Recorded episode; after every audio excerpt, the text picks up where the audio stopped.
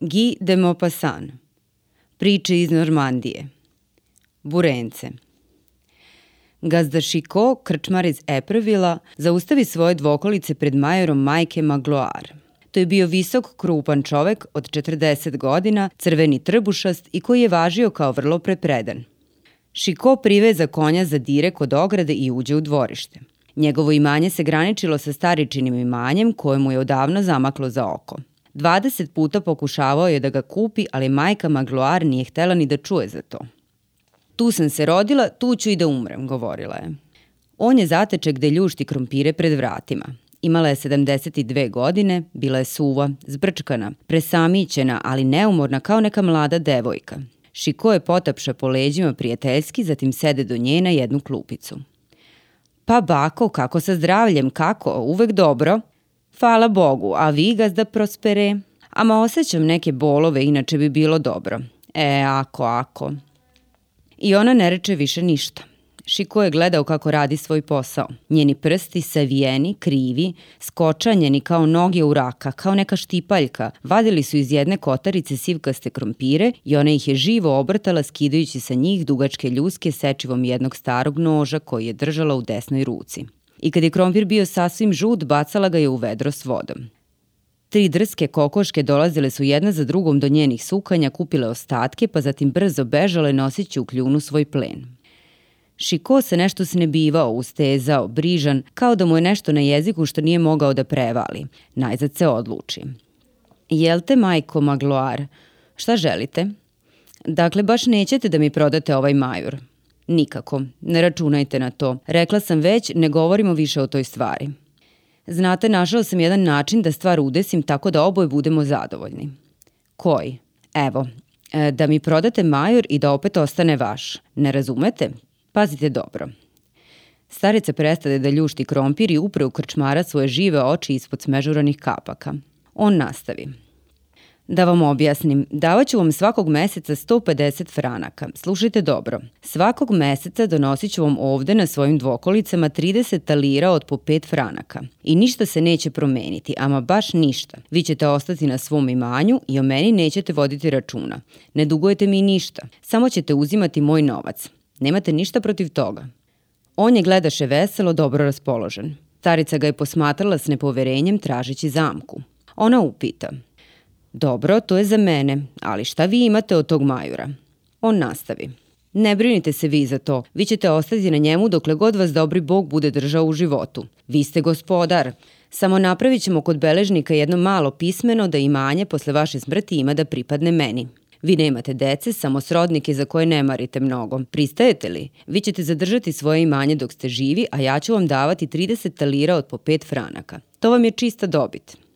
Starica je iznenađena, nespokojna, ali u iskušenju. Ona odgovori.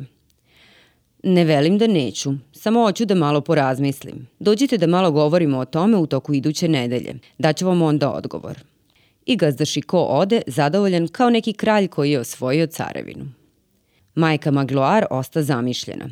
Cele noći nije spavala. Čitava četiri dana imala je groznicu ustezanja. Osećala je da u toj stvari ima nečeg lošeg za nju, ali pomisao na 30 talira svakog meseca na ovaj lep i gotov novac koji bi se sručio u njenu kecelju, koji bi joj pao s neba, da ništa ne radi, raspinjala joj je dušu. Ona ode do beležnika i ispriča mu svoj slučaj. Beležnik joj je savetovao da primi predlog Šikova ali da ište 50 talira po 5 franaha mesto 30, pošto njen major vredi u najmanju ruku 60.000 franaka. Ako poživite 15 godina, reče beležnik, platit će na taj način ipak svega 40.000 franaka. Starica uzdrhta pripomisli na 50 talira po 5 franaka mesečno, ali nikako nije imala vere. Bojala se hiljadu nepredviđenih stvari, prikrivenih podvala i osta do mraka postavljajući pitanja nemoguće da se reši da ide. Najzad naredi da se sastavi ugovor i vrati se kući zbunjena, kao da je popila četiri vrča nove jabukovače. Kad Šiko dođe da čuje odgovor, ona se dugo ustezala, izjavljujući da neće, ali i strepeći da ovaj neće pristati da da 50 talira po 5 franaka. Najzad, kako je on navaljivao, ona izjavi šta traži. Šiko se trže razočaran i odbi. Zatim, da bi je ubedio, stada joj objašnjavati koliko će još verovatno živeti – Neću duže od 5 do 6 godina zacelo. Sad sam u 73. i uz to slaba. Pre neko veče mislila sam da ću umreti. Činilo mi se da se nešto kida u meni, te su me morali položiti u postelju. Ali Šiko se nije dao. Eh, eh, stara mušterio, jaki ste vi kao crkveni toranj. Živećete najmanje 110 godina. Sahranit ćete vi mene, uveren sam. Tako je ceo dan bio izgubljen u pogađanju. Ali kako starica nije popuštala, krčmar na posledku pristade da joj daje 50 lira. Sutradan potpisaše ugovor. Majka Magloar zatraži još 10 lira napojnice. Protekle su tri godine. Starica je bila zdrava kao dren. Izgledalo je da nije ni za jedan dan ostarila i Šiko je očajavao. Činilo mu se da ovu rentu plaća već pola veka, da je prevaren, pokraden, upropašćen.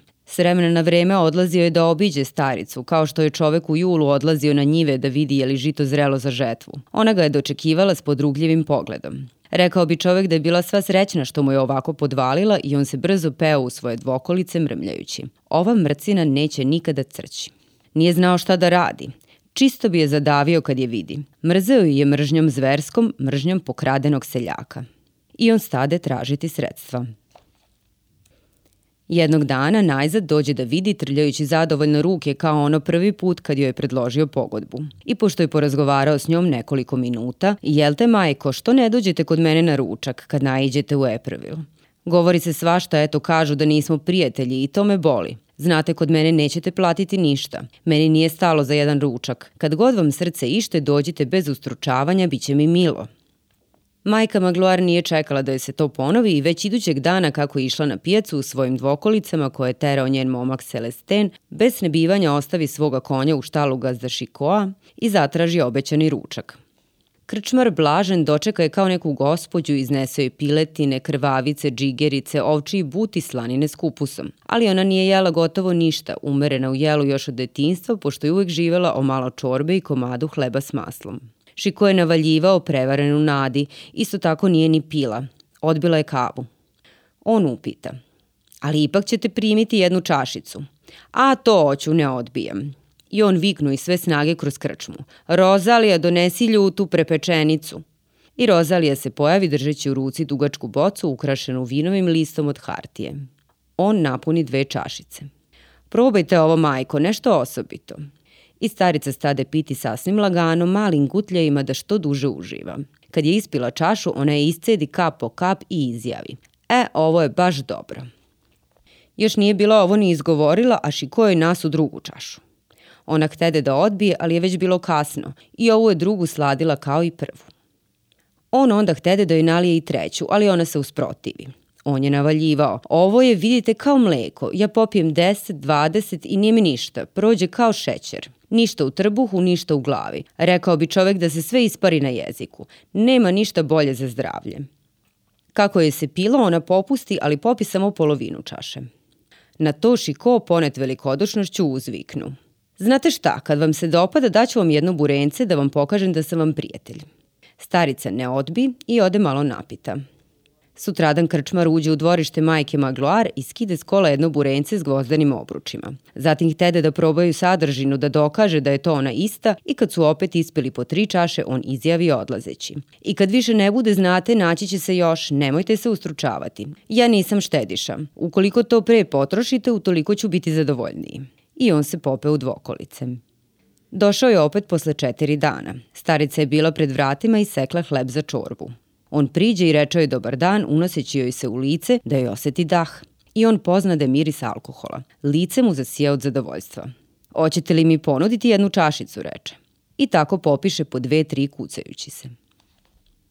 Ali ubrzo se rašču po okolini da se majka Magloar opija sama samcita. Dizeli su je čas u njenoj kuhinji, čas u njenom dvorištu, čas po putevima u okolini i morali su je nositi kući kao kakav leš.